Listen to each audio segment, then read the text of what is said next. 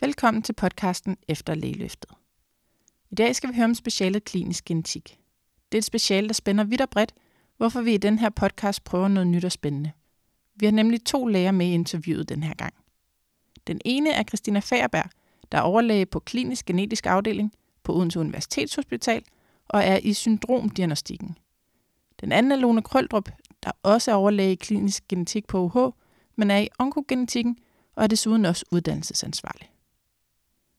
Men før Christina og Lone får ordet, kommer der lige lidt fakta om uddannelsen som klinisk genetiker. Der findes klinisk genetiske afdelinger på Rigshospitalet, i Roskilde, Odense, Vejle, Aarhus og Aalborg. Hoveduddannelsen var 48 måneder og opbygget således, at man har 18 måneder på en stamafdeling, 6 måneder på en klinisk afdeling, 12 måneder på en anden klinisk genetisk afdeling og til slut 12 måneder tilbage på stamafdelingen. Men nu er det tid til at høre fra Christina Alone. Mit navn er Laura, og jeg er din vært.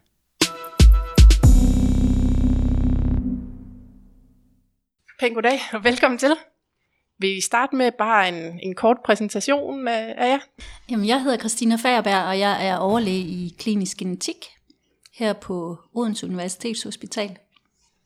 Og jeg hedder Lone Krøldrup. Jeg er også overlæge, helt nystartet overlæge, så jeg er lidt sådan yngre karrieremæssigt, kan man sige, end Christina er. Hvordan har I selv fundet vej til den kliniske genetik? Jeg har siden studiet synes, at genetikken var rigtig spændende. Jeg startede faktisk med at læse biologi, og så fandt jeg ud af, at jeg vil gerne vil gå over til medicin, fordi jeg synes, at det med, hvordan cellerne fungerer, er så enormt spændende. Så det har hele tiden været cellernes funktion og den mere teoretiske del af det, som har været spændende for mig. Ikke desto mindre så det jeg også overvejede, altså alternativ til klinisk genetik, det var almen, almen medicin, fordi jeg også godt kan lide den her patientkontakt. Og jeg synes, at man i genetikken får begge dele, både det meget teoretiske, men også øh, patientkontakten. Ja, og min vej, den har, den har været sådan lidt mere slingerne, kan man sige. Øhm, jeg, jeg har været omkring øh, almen medicin og også onkologi, og havde sådan ikke lige tænkt, at jeg skulle tage kitlen af, hvis man kan sige det på den måde. Øh, men så, altså, jeg har altid været interesseret i genetikken, sådan teoretisk. Så havde jeg en kollega, som, øh, som blev ansat i genetik, når jeg hørte den vej rundt om, hvad hun lavede, og så synes jeg bare, det lød vildt spændende, og besluttede mig for at, at gå over i en introstilling. Det er meget sjovt, som der er altid forskellige veje til specialerne. Nogle de er meget fokuseret fra start af, og så er der nogle, hvor man mere bliver hævet ind på en eller anden måde. Og vil I fortælle lidt om, hvorfor der er to med i dag? Det er jo noget nyt og spændende. Jamen det er der, fordi øh, vi har hver vores faglige profil. Vi repræsenterer ligesom de to hovedområder inden for klinisk genetik, den almene genetik og onkogenetikken, hvor jeg er almen genetiker, og Lone hun er onkogenetiker nu er det jo sådan, at i de her podcasts, der øh, er de bygget op sådan, at vi læser Sundhedsstyrelsens definition af specialet op, og så kan vi snakke om bagefter, om I synes, det lyder som noget af det, I laver. Klinisk genetik varetager udredning og rådgivning vedrørende genetiske sygdomme, både i relation til patienter og deres familie, og omfatter også prænatal diagnostik. Genetiske faktorer er væsentlige ved en lang række sygdomme og tilstand, og specialet klinisk genetik indgår derfor i et tæt samarbejde med andre specialer. Forebyggelse, udredning, rådgivning, behandling, palliation og rehabilitering af genetisk sygdom varetages ligeledes i de fleste kliniske specialer. Klinisk genetik varetager både kliniske funktioner og laboratoriemæssige funktioner. De kliniske funktioner omfatter genetisk udredning og rådgivning af patient og dennes familie. Udredningen omfatter optegning af stamtræ, klinisk vurdering, stillingtagen til indikation for og iværksættelse af relevante genetiske tests fortolkning af de genetiske testresultater og risikovurdering. Udover rådgivning til patient og familie indgår klinisk genetik ofte i tæt samarbejde med relevante kliniske specialer. Flere kliniske specialer har veletablerede funktioner for store grupper af genetiske sygdomme og tilstande. Klinisk genetik rådgiver således både patienter og familie og klinikere. På det laboratoriemæssige område varetager specialet cyto- og molekylærgenetisk øh, diagnostik af genetisk betinget sygdom og biokemisk diagnostik af medfødte metaboliske sygdomme hos børn og voksne. Analyserne bruges også til at forudsige raske familiemedlemmers risiko for sygdom. Desuden varetages prænatal og præimplantationsgenetisk diagnostik. Specialet varetager desuden forskning, udvikling og uddannelse inden for specialets områder. Kerneopgaver. Opgaverne omfatter udredning, tolkning og rådgivning vedrørende genetiske sygdomme, både i relation til patienter og deres familie samt til relevante specialer. I klinisk genetik er der følgende kerneopgaver. Udredning og rådgivning af patienter og familier, præ- og postnatalt, herunder optegning af stamtræ, stillingtagen til indikation for og iværksættelse af relevante genetiske test, blandt andet på baggrund af klinisk vurdering, fortolkning af disse genetiske testresultater og risikovurdering. Multidisciplinært teamsamarbejde, blandt andet med henblik på rådgivning om analyseresultater og klinisk kontrol af patienten. Laboratoriefunktioner herunder udførelse af cytogenetiske, molekylærgenetiske og metaboliske og biokemiske analyser, samt visitation af prøver til eksternt analyselaboratorium. Synes I, det lyder øh, som noget, I laver? Jeg synes, det rammer øh, lige på kornet faktisk øh, i beskrivelsen af, hvad, hvad der er i min hverdag. Sådan all round.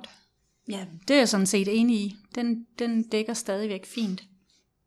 Der bliver nævnt, at I samarbejder med andre klinikere. Kan I give nogle eksempler på de her multidisciplinære samarbejder?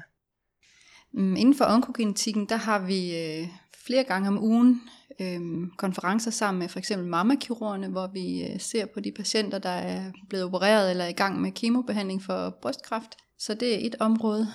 Vi kigger også på patienter, som er i, øh, i behandling for dissemineret kræftsygdom, hvor de sådan ordinære behandlingstilbud er sluppet op, og hvor man, hvor man laver test for at se, om de kunne indgå i nogle protokoller. Øhm, og der er vi med til at se resultaterne igennem, øhm, for at se, om der er noget, vi skal fange i forhold til familieudredning. Og jeg arbejder mest med øh, syndromdiagnostik, både for, for børn og øh, ja, mest for børn, men også øh, voksne, og har et meget godt samarbejde med øh, børneafdelingen. Jeg arbejder også meget med prænatal diagnostik, så vi har også et tæt samarbejde med, med vores fetalmedicinere. Og det handler jo både om øh, vurdering af, hvilke genetiske analyser kan man bedst udføre her, men også, øh, vi har også en del analyser i laboratoriet, så vi betjener de her grupper. Og så er der nogle af vores andre kolleger, som har øh, tætte samarbejder med, med andre klinikere. Det kan være neurologer, eller øh, hudafdelingen, eller jamen, der er rigtig mange, mange kliniske samarbejdspartnere, fordi vores patienter kommer jo ind fra de kliniske afdelinger. Vi har jo støvet dem op et eller andet sted. De fejler jo et eller andet, før de kommer her. Det lyder da rigtig spændende. Der er meget variation i specialet så også, hvilket jo også er en af grundene til, at I er to har for at kunne fortælle lidt om de forskellige sider af specialet. Hvordan foregår den her subspecialisering så? Altså, hvordan finder man sin, sin niche? Jeg tror, man øh, under hoveduddannelsen finder ud af, hvad det egentlig er, der interesserer en mest, og så øh, vælger man jo, øh, og, øh, hvilken vej man vil subspecialisere sig i, øh, og sørge for at få masser af rådgivning på, på de patientgrupper, som man er mest interesseret i. Der er mange kliniske områder, så der er nok at tage af, og vi kommer alle sammen til at være ind over en masse forskellige kliniske områder. Nu er I inden for, for hver jeres område. Er noget onkogenetik, og så er der noget syndromer. Hvad er der ellers af genetiske områder, man ville kunne synes var spændende at gå ind i her?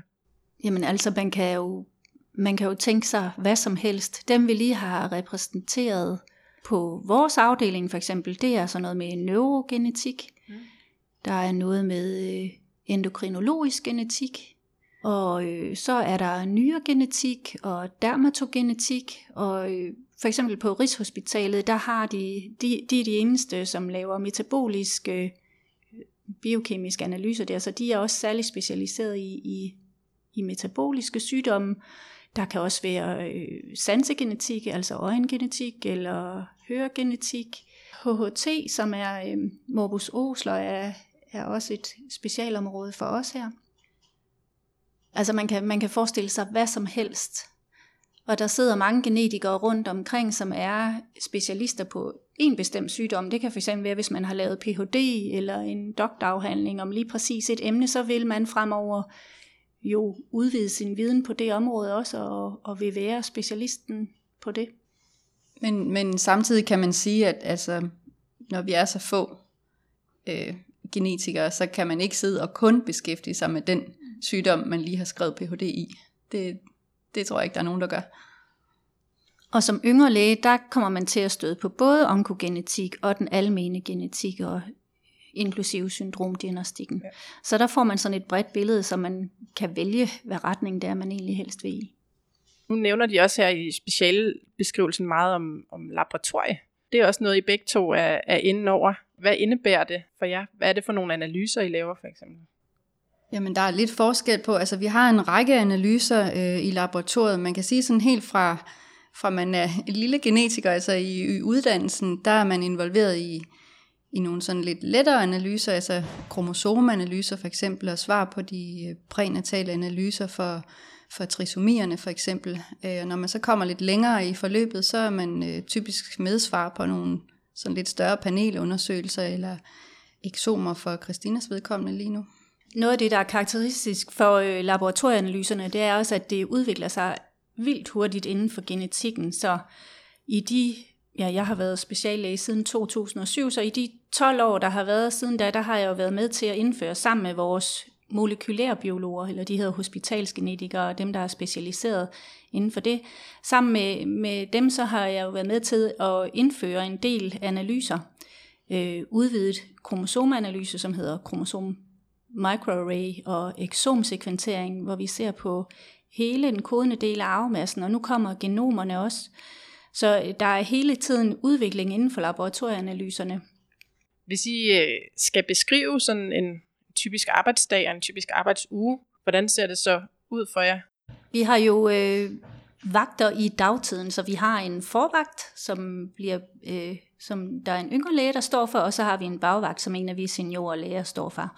Og forvagten tager sig af øh, visitation af prøver, der kommer ind, og kontakt med klinikere, som har spørgsmål, og de svarer også visse analyser. Og som bagvagt står man standby for forvagten.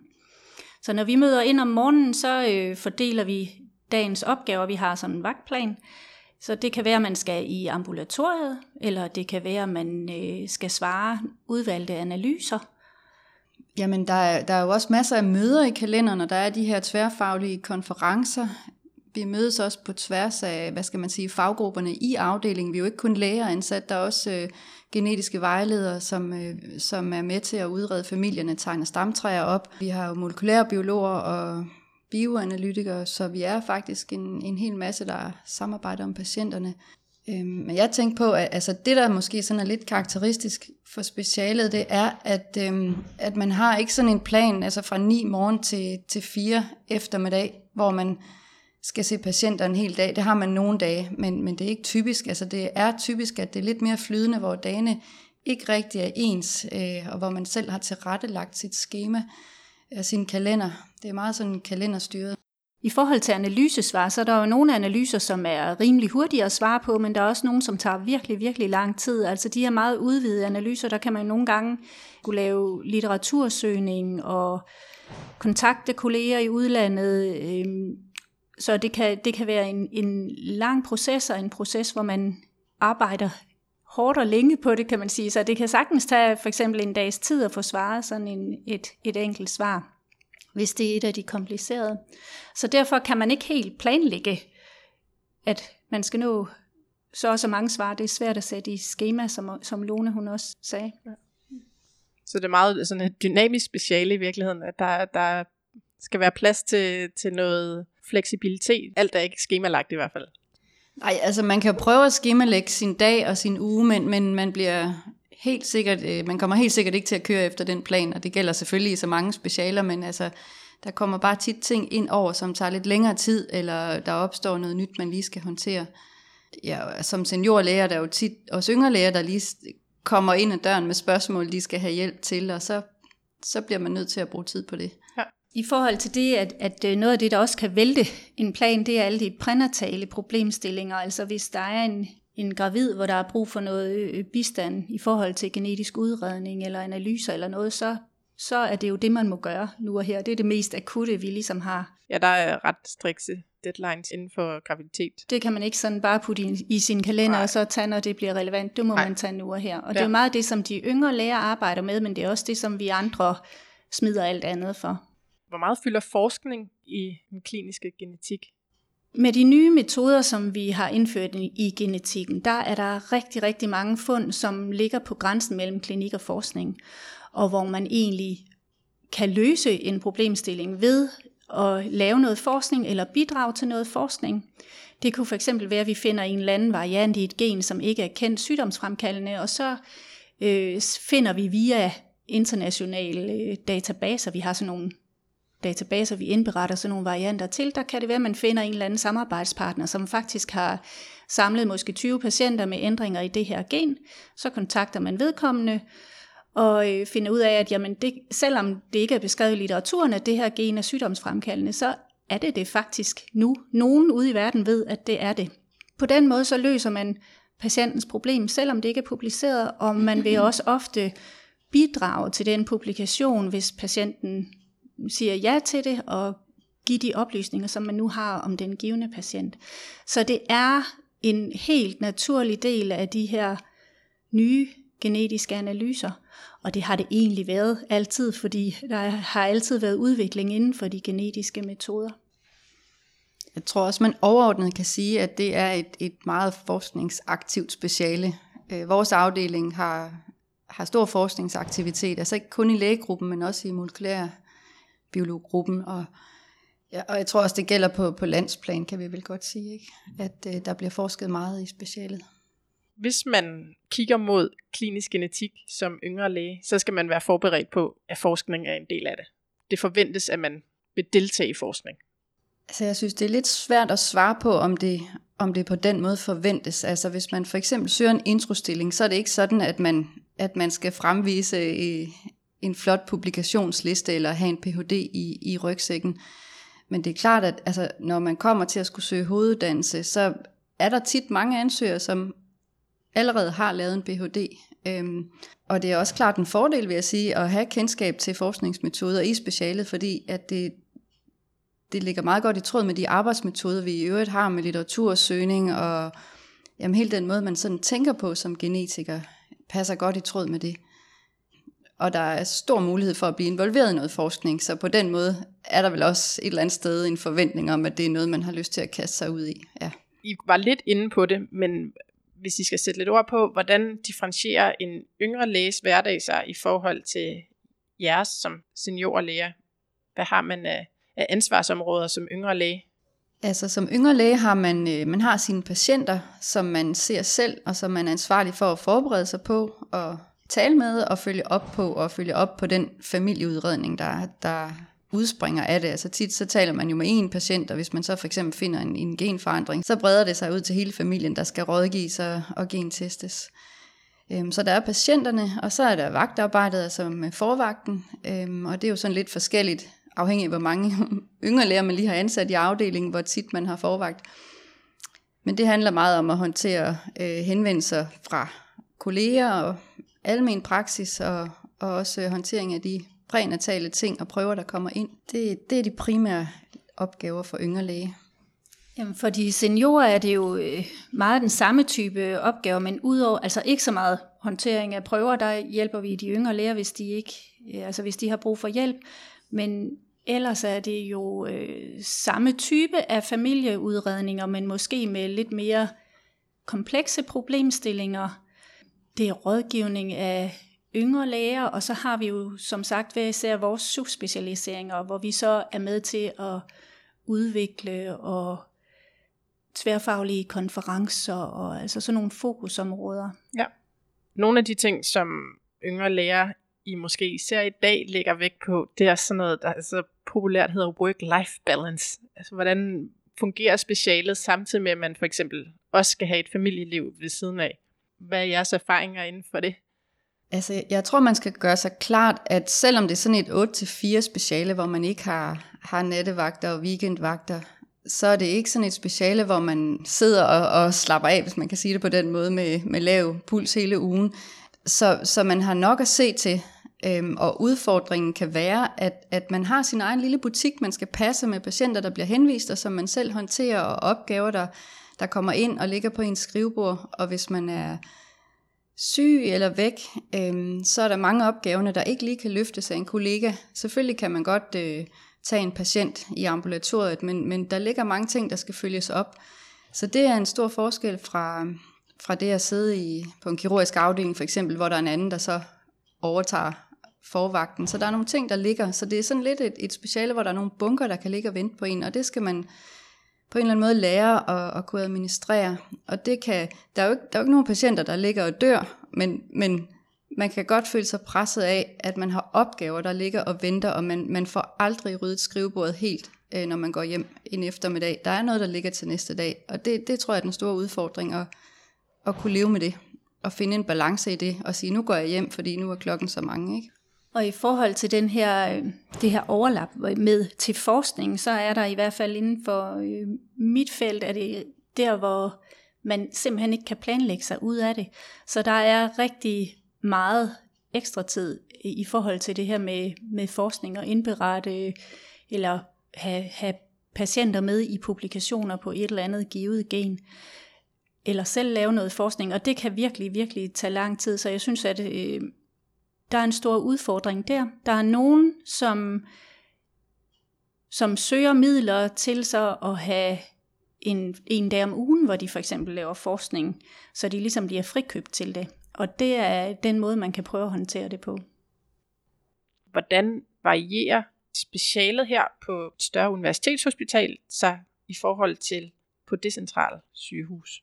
Jamen, der er jo ikke så mange genetiske afdelinger i Danmark. Der er to i Københavnsområdet, Rigshospitalet og Kennedy Center, de er så en enhed øh, for nuværende. Øh, de blev slået sammen. Og så er der en i Roskilde, en i Odense, en i Vejle, en i Aarhus og en i Aalborg. Og det er klart, at på universitetshospitalerne, der har man flere højt specialiserede funktioner, også inden for de andre kliniske specialer, som vi så også øh, lægger os op af. Men rådgivningsmæssigt er det det samme, altså det er de samme værktøjer, vi har, og det er egentlig det samme, vi kan, og så kan der være lidt forskel på, hvilke grupper man betjener. Altså for eksempel øh, fostergenetikken, det er begrænset til de laboratorier, som, som har den type analyser. Er der andre alternative karriereveje inden for den kliniske genetik? Der er ikke så mange eksempler på, at, øh, at genetikere de laver noget andet, men, men de findes. Der er nogen, som har øh, fået ansættelse i sædbanker for eksempel, så det, det er set, men det er sjældent, ja. og vi er jo ikke så mange, Nej. så der er rigtig meget brug for kliniske genetikere i det offentlige. Ja, når der nu ikke er så mange, når det er sådan forholdsvis lille øh, speciale, er det så svært at komme inden for dørene? Er det jeres oplevelse, at der er mange ansøgere til få pladser? Altså, der er altid mange ansøgere til introduktionsstillinger, og til hoveduddannelsesstillinger, der øh, er også ofte lidt flere, end der er plads til. Men, ja, men hvis det er det, man vil, så er det også min oplevelse, at så kan man komme til det. Så kan det godt være, at man, hvis man ikke lige kommer ind første gang, man søger, enten kan prøve igen, eller måske kan lave noget forskning, så man kan kvalificere sig bedre. Ja. Er der nogle specialer, især at man har haft inden? Der er meget stor forskel på, hvad, hvilken baggrund man har, når man søger en intro, der er Øh, det sker ikke sjældent, at folk har været omkring øh, pædiatrien for eksempel, øh, men det kan også være onkologien, endokrinologien, der er, der er mange andre specialer, som øh, folk har, har besøgt, inden de kommer til os. Og sådan traditionelt, så har, så har det været øh, pædiatrien, som har været linket til genetikken, kan man sige. Det er jo egentlig et speciale, som opstår ud af pædiatrien. Øh, og i vores hoveduddannelse, der, der har man sådan øh, traditionelt haft haft den eksterne funktion i pædiatrien, altså øh, hvor man har haft udeår, eller et halvt år ude af, af specialet. Og det er blevet lavet om nu, sådan at man sådan set kan vælge øh, alle mulige andre specialer også. Jeg har selv været øh, på Gynops det halve år, men, men der er også masser af andre eksempler på, på andre specialer, man kan få god viden fra og tage med hjem til genetikken igen. Og for lige at opsummere, så er det sådan, at en hoveduddannelse det er 48 måneder, hvor man så har øh, 18 måneder på en stamafdeling, og så 6 måneder ude i en eller anden klinisk afdeling er det jo så. Og så øh, skal man have 12 måneder på en, en anden klinisk genetisk afdeling, og så igen 12 måneder tilbage på stamafdelingen. Det er en stor fordel, at man, man har noget klinik fra de mere sådan kliniske specialer med sig også ind i genetikken, og man ved, hvordan øh, tingene foregår ude i de lidt mere sådan pulserende afdelinger. Øh, det er faktisk også en stor fordel, at man har været på en anden genetisk afdeling, fordi vi er meget forskellige. Selvom vi arbejder med det samme, så har man forskellige angrebsvinkler.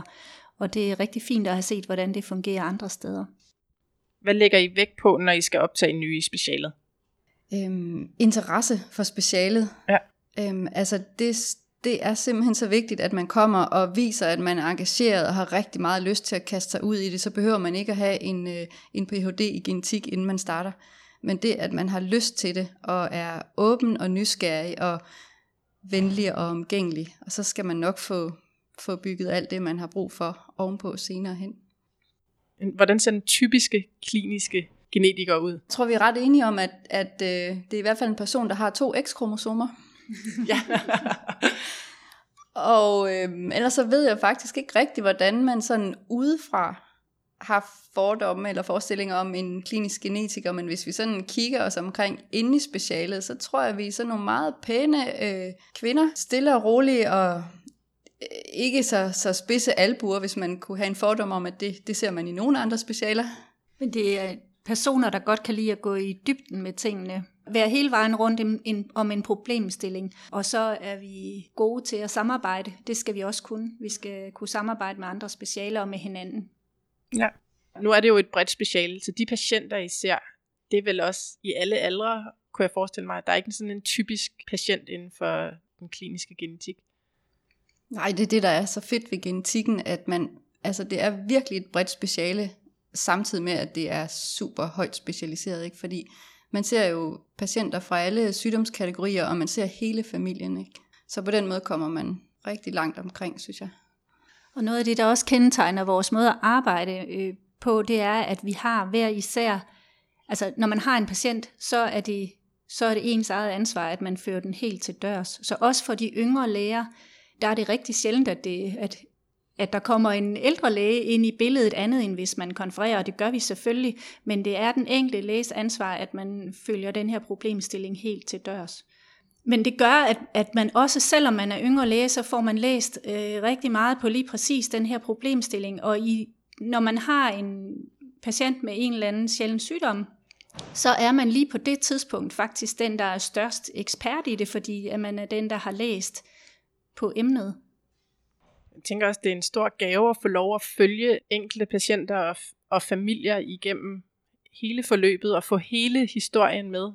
Det er sådan ret atypisk i dag nu får man jo typisk bare lov lige at se en patient i meget kort øjeblik inden for andre specialer, og så er det den kontakt, man har. Ikke? Ja, det har du ret i. Så, så synes jeg også, det er en fordel, at man, man er hele vejen omkring familien og patienten, men, men det slutter også på et tidspunkt. Jo, så har vi spørgsmål om, hvilke udfordringer øh, jeres speciale står overfor, og hvor I ser specialet om 20 år. Det, der er kernen i den kliniske genetik, det er netop det her, og især i laboratoriedelen er det her med, at metoderne udvikler sig hele tiden. Man skal være enormt forandringsvillig for at kunne arbejde i det her felt, og man skal synes, det er sjovt at blive ved med at udvikle og tage nye metoder i brug. Det gør jo også, at vi bliver dygtigere og dygtigere til at diagnostisere vores patienter. Så det er øh, virkelig spændende, og det er en udvikling, der kommer til at fortsætte. Udfordringerne kan være, at vi er øh, ikke mange nok til at gribe alle de her opgaver, der er. Så kan jeg også se en, øh, en udfordring i forhold til, at, at det her er jo noget, der også breder sig ud til alle andre, rigtig, rigtig mange andre specialer. Og i, der, i mange andre specialer skal man også kunne håndtere genetikken. Så jeg ser, at om 20 år, der tror jeg på, at vi har et meget mere udtalt samarbejde med andre specialer. Det kan være, at man har delestillinger, det er der allerede nogen, der har, så man er halvtid ansat på en, en eller anden klinisk afdeling og halvtid i den kliniske genetik. Det tror jeg bliver mere udbredt. Jeg tror også, vi kommer til at have en eller anden øh, endnu mere udviklet støttefunktion, end vi har nu i forhold til andre kliniske specialer, fordi genetikken kommer til at få større og større betydning inden for alle specialer eller inden for rigtig mange specialer i hvert fald. Jeg tænker også på, at man, man laver jo også gentest i forhold til behandlingsindikationen, altså, og, og der kan der jo ikke sidde en genetiker og, og rådgive hver eneste patient, der skal have screenet deres øh, tumorvæv for eksempel for, for mutationer. Ja, det bliver udbredt, og hvordan vi kommer til at, at, at passe ind i hele det store billede, øh, det, det er lidt spændende. Men det er vigtigt at sige i den sammenhæng, at tolkning af et genetisk svar og tolkning af genetiske forandringer i det hele taget, det er i mange tilfælde ikke helt enkelt, så det er faktisk rigtig vigtigt, at man bevarer den kliniske genetik og den specialviden, vi har. Men det kommer til at være i samarbejde med en masse andre afdelinger i endnu mere udtalt grad, end det er i dag. En anden udfordring, det er jo den datamængde fra de genetiske analyser, som, som skal analyseres. Og, og der er simpelthen behov for nogen til at, at sidde og kigge på det med ekspertbriller. Er der noget, I, sådan, når I tænker tilbage her i bagklogskabens lys, noget I ville, ville ønske, at I havde vidst, inden I gik ind i det her special? Men jeg, jeg synes, det er verdens bedste speciale, og der er ikke noget, som jeg gerne ville have vidst, inden jeg gik ind i det. Det har fuldstændig opfyldt mine forventninger, men man kan jo ikke, man kan jo ikke forvente den, altså ingen havde kunne forudsige den udvikling, der er, så det er bare med at hoppe på toget, og så være med, og det er super spændende. Øhm, en ting, jeg lige tænker på, hvis man sådan som yngre læsdår skal vælge speciale, øh, så jeg tænker, det, det er vigtigt i hvert fald at være bevidst om, at det her det er et speciale, hvor der er selvfølgelig masser af patientkontakt. Det, det er ikke et, øh, et paraklinisk speciale på den måde. Vi, vi ser masser af patienter, og alt hvad vi laver, det er patientcentreret. Men man skal også være interesseret i laboratoriedelen. Og man skal ikke gå ind i specialet, fordi man tænker, yes, jeg har fri i weekenderne. Hvis I skal nævne en mere spændende ting og en mindre spændende ting ved specialet, hvad skulle det så være? Jamen noget af det rigtig spændende, det er den bredde, man har i, øh, i, det, i de patienter, man ser. Og så også det, at man samarbejder med, med andre faggrupper øh, til daglig. At det ikke kun er læger, der er på arbejde, men man skal samarbejde med laboratoriedelen også. Det kan jeg rigtig godt lide. Jamen, når man skal beskrive, øh, hvordan vi arbejder, så kan man bruge ordet detektivarbejde. Det synes jeg er meget øh, betegnende for, hvordan vi løser opgaverne, og det er super spændende. Og det er sjovt, når man kan løse patienternes problemstilling. Det er ikke så sjovt, når man på trods af, at man har arbejdet hårdt for det, ikke kan løse øh, problemstillingen. Og det er jo især, øh, for eksempel hvis et par har et handicappet barn, som de, og de vil gerne have et barn mere, øh, og vi ikke kan finde ud af, hvad årsagen er til, at det første barn var handicappet, så kan det være øh, rigtig svært at hjælpe dem til at undgå at de får endnu et barn med samme handicap. Altså en ting, som, som er en ulempe ved et lille speciale overordnet, det er jo, at, øh, at man er sådan, eller man kan være lidt geografisk låst.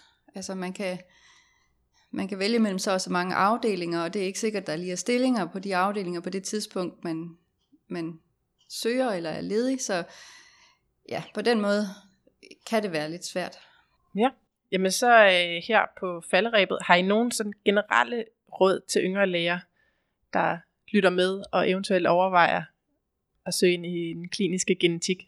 Jamen, så er man jo allerede på sporet, hvis man sidder og lytter til den her podcast, fordi jeg vil sige, at man skulle samle information om specialet og få sig sådan en rimelig god idé om, hvad det drejer sig om, og meget gerne komme på besøg. Øh, og vi har faktisk ret mange, for eksempel KBU-læger, men også medicinstuderende, som kommer på et par dages øh, ophold og besøger afdelingen. Og det er en god indgangsvinkel, så man har en idé om, hvad det drejer sig om ja, så vil jeg bare sige tak, fordi I ville være med. Selv tak. Det var sjovt at være med. det var godt. Selv tak. Det var slutningen på podcasten om klinisk genetik. Leder du efter et bredt og dynamisk special, så er klinisk genetik måske noget for dig. Hvis ikke, så lyt med igen næste gang, hvor vi tager endnu et special op her i Efterlægeløftet. Du kan også gå ind på vores hjemmeside og høre de tidligere podcast. Tak fordi du lyttede med.